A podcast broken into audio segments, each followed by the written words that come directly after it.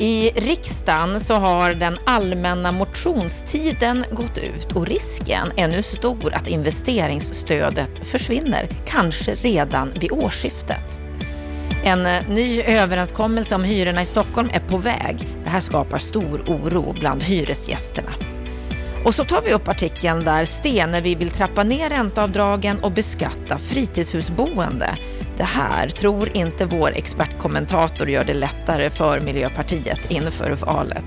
Varmt välkommen till veckans Aktuellt med mig Anna Bellman. Det är i de här programmen som vi tar upp det senaste som har hänt under veckan på det bostadspolitiska området. Välkommen! Under veckan som har gått så har det hänt en del på den bostadspolitiska arenan. Bland annat så har vi fått veta att motionstiden för riksdagen, det vill säga den tid som politiker har på sig att lämna in motioner, den gick ut i tisdags.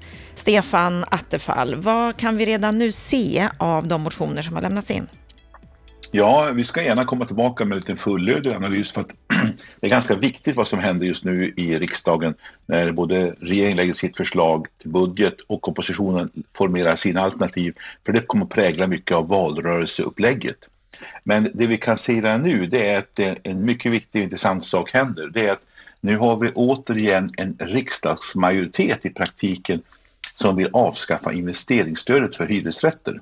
Det infördes ju för ett antal år sedan och försvann ett år när MKD-budgeten vann och har ju gällt ett antal år och börjar användas ganska flitigt runt om i Sverige.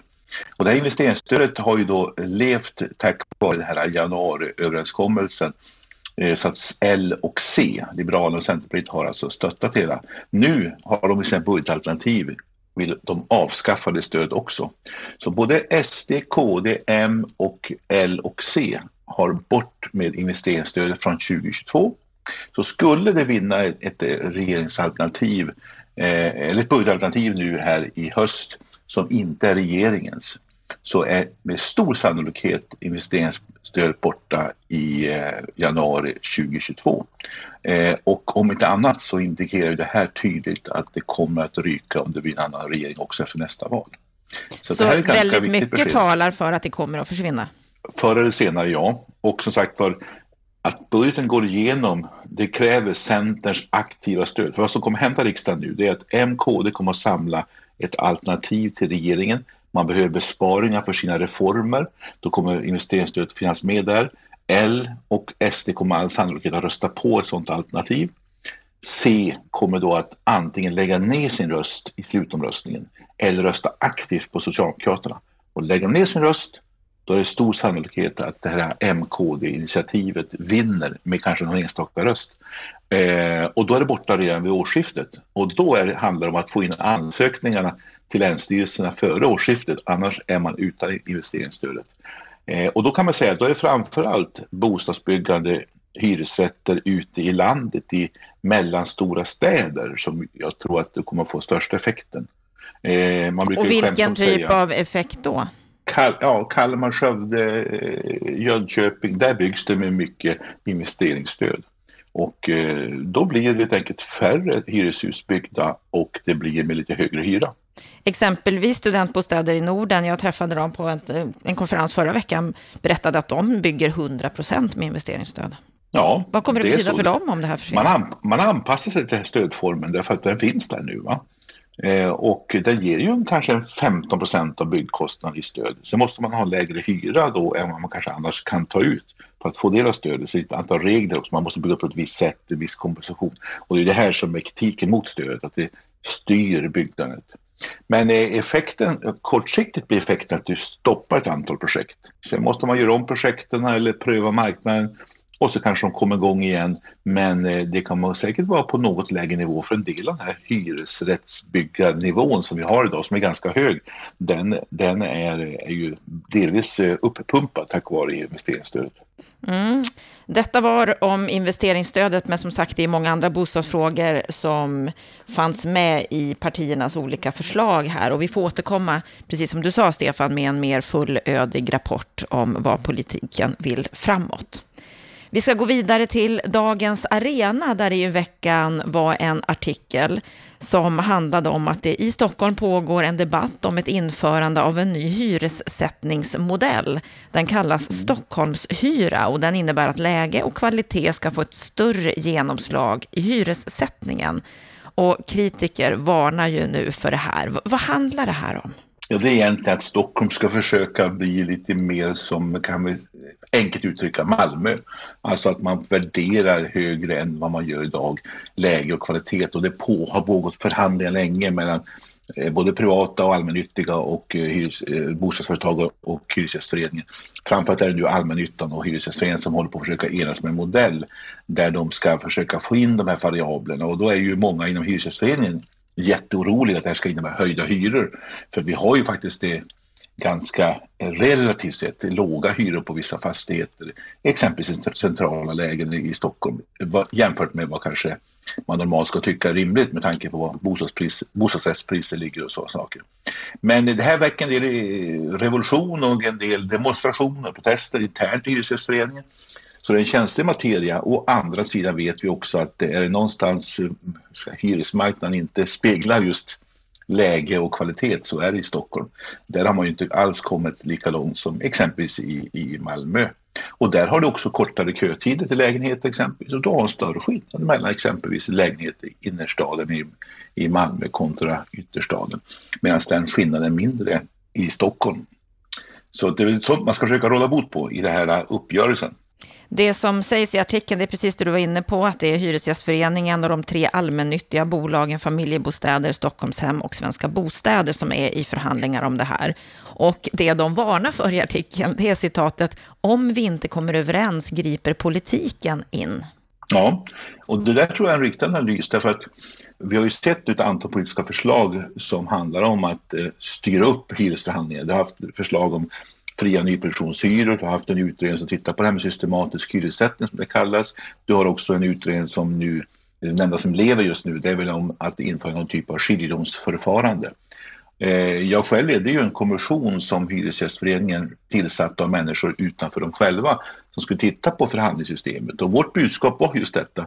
Ta kommandot över utvecklingen annars kommer politiken att gripa in och det har vi sett nu tendenser till och vi kommer att få se det ännu mer. Så att jag tror att de gör helt rätt. Alltså om inte parterna eh, får modellen, förhandlingssystemet att fungera bättre, då, blir, då växer ju kraven på politiska ingrepp. För det, här, det har inte fungerat bra som det har gjort hittills. Och särskilt inte i Stockholmsområdet. Så att eh, jag tror att de gör helt, helt rätt analys och jag tror att om Hyresgästföreningen inser att nu är det window of opportunity, det vill säga det har, man, har, man har vunnit striden om nyproduktionshyrorna, fått bort det från dagordningen. Om man nu kan visa ska säga, framgång i förhandlingsuppgörelser, ja då kommer politiken få svårare att kräva då att eh, lagstifta och göra ingrepp. Eh, å andra sidan, misslyckas man och kör fast, då kommer ropen på politiska ingrepp att eh, växa starkare. Och vad vill politiken? Ja, det är det som är Hyresgästföreningens och de andra stora kanske både lycka och, eh, och, eh, och elände. Det är att politiken vet ju inte vad den vill. Vi har ju en, en, eh, dels en parlamentarisk svajiga majoriteter och konstiga konstellationer och dels så vill jag påstå också att många i politiken vet inte, de kan för systemet, de har ingen tydlig idé vart hem man vill driva frågorna. Men eh, en sak är ju, vore oerhört välkommet om politiken kunde lösa nu, det är ju en ett skiljedomsförfarande som, som fungerar och som gärna blir obligatoriskt. Det, det finns en instans att gå till för att stämma av vem är det som ska få rätt här. Va? Alltså vi har ju inte något medlingsinstitut om man jämför med arbetsmarknaden. Eh, den typen av modeller eh, och arbetsdomstol som funkar på det sättet som vi gör på arbetsmarknaden, det funkar inte lika bra på, på hyresmarknadens förhandlingssystem. Så att någonting måste politiken också göra, men eh, det är sagt var osäkert. Det bästa är väl om parterna får systemet att fungera och både fast, privata fastighetsägare och allmännytta och Hyresgästföreningen kommer överens. Inte så att alla är nöjda, men så att man är hyfsat nöjd. Då kan man få systemet att verka och Eh, tror jag skapat ett borgfred i frågan som har förlamat mycket av diskussionen under många, många år. Vi ska gå vidare till en ganska omfattande artikel i Expressen där Märta Stenevi blev intervjuad under veckan. Och hon nämner där flera bostadspolitiska förslag, bland annat att hon vill beskatta fritidshus hårdare än permanenthus. En ny typ av fastighetsbeskattning kan vi säga. Vad säger du om det här, Stefan? Ja, det är uppenbart att de laddar nu inför sin kongress som ska ha här i mitten av oktober. Och där har de förslag som ska minska de, de ska säga, ojämlikheterna och då pekar Märta Stenevi här på att det är de som har kapitalinkomster, det är de som är gynnade. Och då är Miljöpartiets förslag här, de vill trappa ner ränteavdragen på bostadslån, beskatta fritidshus hårdare än permanenthus och återinföra värnskatten. Och så vill de ha ett nytt eh, kapitalskattesystem, säger de. Eh, I praktiken är det någon slags eh, ökad fastighetsbeskattning och sänkta ränteavdrag. Det skulle slå mot framförallt alla småhusägare och skulle säkert också innebära någon typ av fastighetsbeskattning även för bostadsrätter misstänker jag i det här förslaget. Man kan ju inte beskylla Miljöpartiet för att vara övertaktiska och eh, populistiska utan tvärtom. De, de lägger verkligen fram förslag som provocerar stora väljargrupper och eh, det är väl lite hedervärt kanske att de gör det men jag vet inte om det är så, så stor eh, valframgång i just den typen av förslag paketerat ett år före valet. Mm, det ska bli intressant att se hur det går för Miljöpartiet och hur det går för den här typen av frågor. Vi ska avsluta med en annan fråga där ju du har varit väldigt aktiv och det har med fusket i branschen att göra, där ju vår andra expertkommentator Lennart Weiss gick ut i våras och mm, slog larm om att det pågår ett stort andel fusk bland underentreprenörer. Och ni i Byggmarknadskommissionen, det har vi berättat om här i veckans Aktuellt, har ju lämnat eran rapport och era siffror kring det här som är verkligen alarmerande. Nu gick Lennart ut i en ny artikel i Fastighets ehm, Sverige, där han menar att fusket är så stort som 95 till 100 procent av alla utländska bolag. Det här är ju ingenting som ni på Byggmarknadskommissionen har sagt. Ni menar snarare att siffran indikerar på att det är 8 av 10 som fuskar. Vem, vem har rätt här? Ja, det beror på vi, vi mäter på lite olika sätt. Eh, Lennart har helt enkelt undersökt företag som, som de har stött på i olika sammanhang inom Veidekke. Och då har han hittat att egentligen ingen har varit helt ren utan alla har fuskat, därav hans siffror. Vi gjorde en statistiskt urval eh, på så klassiska vetenskapliga grunder av eh, alla de tusen företag som finns i länder, som kommer från länder som Tjeckien, Slovakien, Polen, Estland, Lettland eh, den här typen av företag. Och sen så analyserade vi dem och då kunde vi säga att någonstans där kring 8 av 10, eh, det är ju självklart plus minus, eh, ligger på som inte sköter sig. Antingen bryter man alltså mot kollektivavtal, man skriver på kollektivavtal men man följer dem inte. Eller så har man brutit mot eh, utstationeringsregisterlagstiftning, skattelagstiftning eh, etc. etc. Så att man hade brott och oftast flera olika saker fuskar man på ett ställe så fuskar man ofta på andra ställen också. Så att det egentligen med, vi har rätt båda två. Han har utifrån sin erfarenhet, utifrån de företag han har granskat som han har stått på. Eh, men han har gjort en gedigen analys och granskning. Det är delvis samma metodik som vi har använt. Eh, så att jag säger att han, han har rätt och vi har rätt. Vi har rätt båda två. Vad som är poängen, det är att det här båda två siffrorna visar på att vi har ett gigantiskt problem. Men vi ska också säga, det är ju inte bara utländska företag. Det finns ju många svenska företag som tar in arbetskraft utifrån och så har vi ju också klassiska fuskare i form av svartarbete och liknande saker som fortfarande finns kvar och existerar. Så att problemet är omfattande och det är det som är det viktiga att alla i branschen måste inse. Tror man att man har rent framför sin dörr så har man i 99 procent av fallen fel. Någon typ av problem brottas man med och det är en gemensam insikt som måste finnas. Hur stort är problemet bland svenska bolag? Ja, det har vi inte kunnat kartlägga på samma sätt och det är klart det är en slags fallande skala. Eh, det är ju lättare, jag ska säga, ett svenskt bolag som tar in arbetskraft från andra länder, där finns det stor sannolikhet att man inte kanske 100% följer regelverket. Eh, har man svensk arbetskraft, jobbar i Sverige bara med svenska kunder, ja, då är det svårare att fuska. Eh, både på grund av systemen, hur de ser ut och, och, på grund av att man måste redovisa på ett, på ett, ett och samma ställe. Men eh, fusket finns där va? och det är allt ifrån eh, småfuskande svartarbetare till grov kriminell organiserad brottslighet. Sen är det lite olika också geografiskt. Man har sagt att Skåne, Stockholmsregionen har mer drabbad. Nu kommer indikationer på att eh, även Norrlandskusten med alla stora investeringar där har mycket med problemen och den finns i stort sett i hela Sverige. Men det är klart att Stockholmsregionen och Skåne har varit lite mera drabbade men ingen kan säga att det är rent eh, någonstans fullt ut. Men går det att få det rent fullt ut i branschen? Ja, det är en bra fråga. Men eh, jag tror att det går att få det ganska rent. Eh, eh, vi måste skapa incitament och det kommer vi med kommissionen nu att komma med förslag. Vi måste skapa incitament att göra rätt. Vi måste se till att myndigheterna eh, jobba, kan jobba bättre. Vi måste ha lagstiftningar och sen har vi då ett, en utmaning som är lite specifik för Sverige. Och det är att den svenska modellen säger ju att kontrollen av att löner betalas korrekt, det ska skötas, skötas av, av parterna, det vill säga arbetsgivare och fack. Alltså fack, facket är polisen här. Va? Myndigheterna har alltså i Sverige ingen roll i att kontrollera att man betalar rätt löner. Och det är det som är det unika med Sverige, medan man i andra länder jobbar med minimilönesystem där myndigheterna kan gå in och kolla lönesättningarna. Så vi har lite mera, ska säga, annorlunda förutsättningar i Sverige också, men eh, även här så måste man ju också ringa det svenska systemet för att man kan möta den här nya situationen med, med en stor andel utländska entreprenörer som har kommit till Sverige under senare år. För att vi har behövt också arbetskraften. Vi har ju inte klarat av att klara av allt byggande om inte vi har haft, haft också eh, utländsk arbetskraft. Så vi ska också notera det också. Så att eh, det här är komplext, men visst måste vi kunna komma dithän. Annars så tror jag vi kommer att skapa ett samhälle med lägre tillit, lägre hederlighet och därmed också mera kontroll.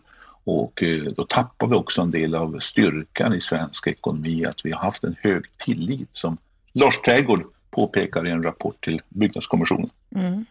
Utmaningarna är stora och det handlar om att eh, hantera många olika aspekter av den.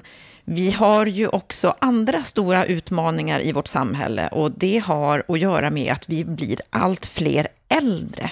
Dels ökar befolkningen och andelen äldre kommer också att öka lavinartat de kommande åren. Hur ska de bo? Hur ska vi få igång flyttkedjor så att vi får en rörlighet på vår marknad? Vår eh, gäst på måndag i Bopolpodden, han menar att det saknas en kunskap om vad äldre vill ha. På måndag kommer vi att träffa Petter Ahlström som är generalsekreterare på Seniorvärlden. Vi vet att flyttkedjor kan skapas på ett positivt sätt genom att locka den här gruppen att flytta till det här sammanhanget. Då är det otroligt konstigt att eh, seniorbostadsbyggare, utvecklare, ska konkurrera på samma villkor som som vilken som helst där ute där man säger det är högst pris som alltid bestämmer. Jag tänker mig att i och med att bostadsförsörjningslagstiftningar och annat då stipulerar kommuner till att faktiskt eh, ta ett ansvar för olika grupper, studenter, unga vuxna men också äldre, skulle ges ett mandat att faktiskt kunna ge seniorbostadsutvecklare billig mark i bra lägen för att skapa den här eh, effekten. Ja, på måndag så får du träffa Petter Ahlström och höra hans förslag på vad som behövs när det gäller att hitta boenden och skapa boenden för våra seniora. Det här var veckans Aktuellt, de senaste nyheterna ifrån oss på bostadspolitik.se. Vill du veta mer, då går du in på bostadspolitik.se. Där finns det många artiklar och rapporter och där kan du också anteckna dig för vårt nyhetsbrev som kommer varje fredag. Med detta så önskar vi dig en trevlig helg.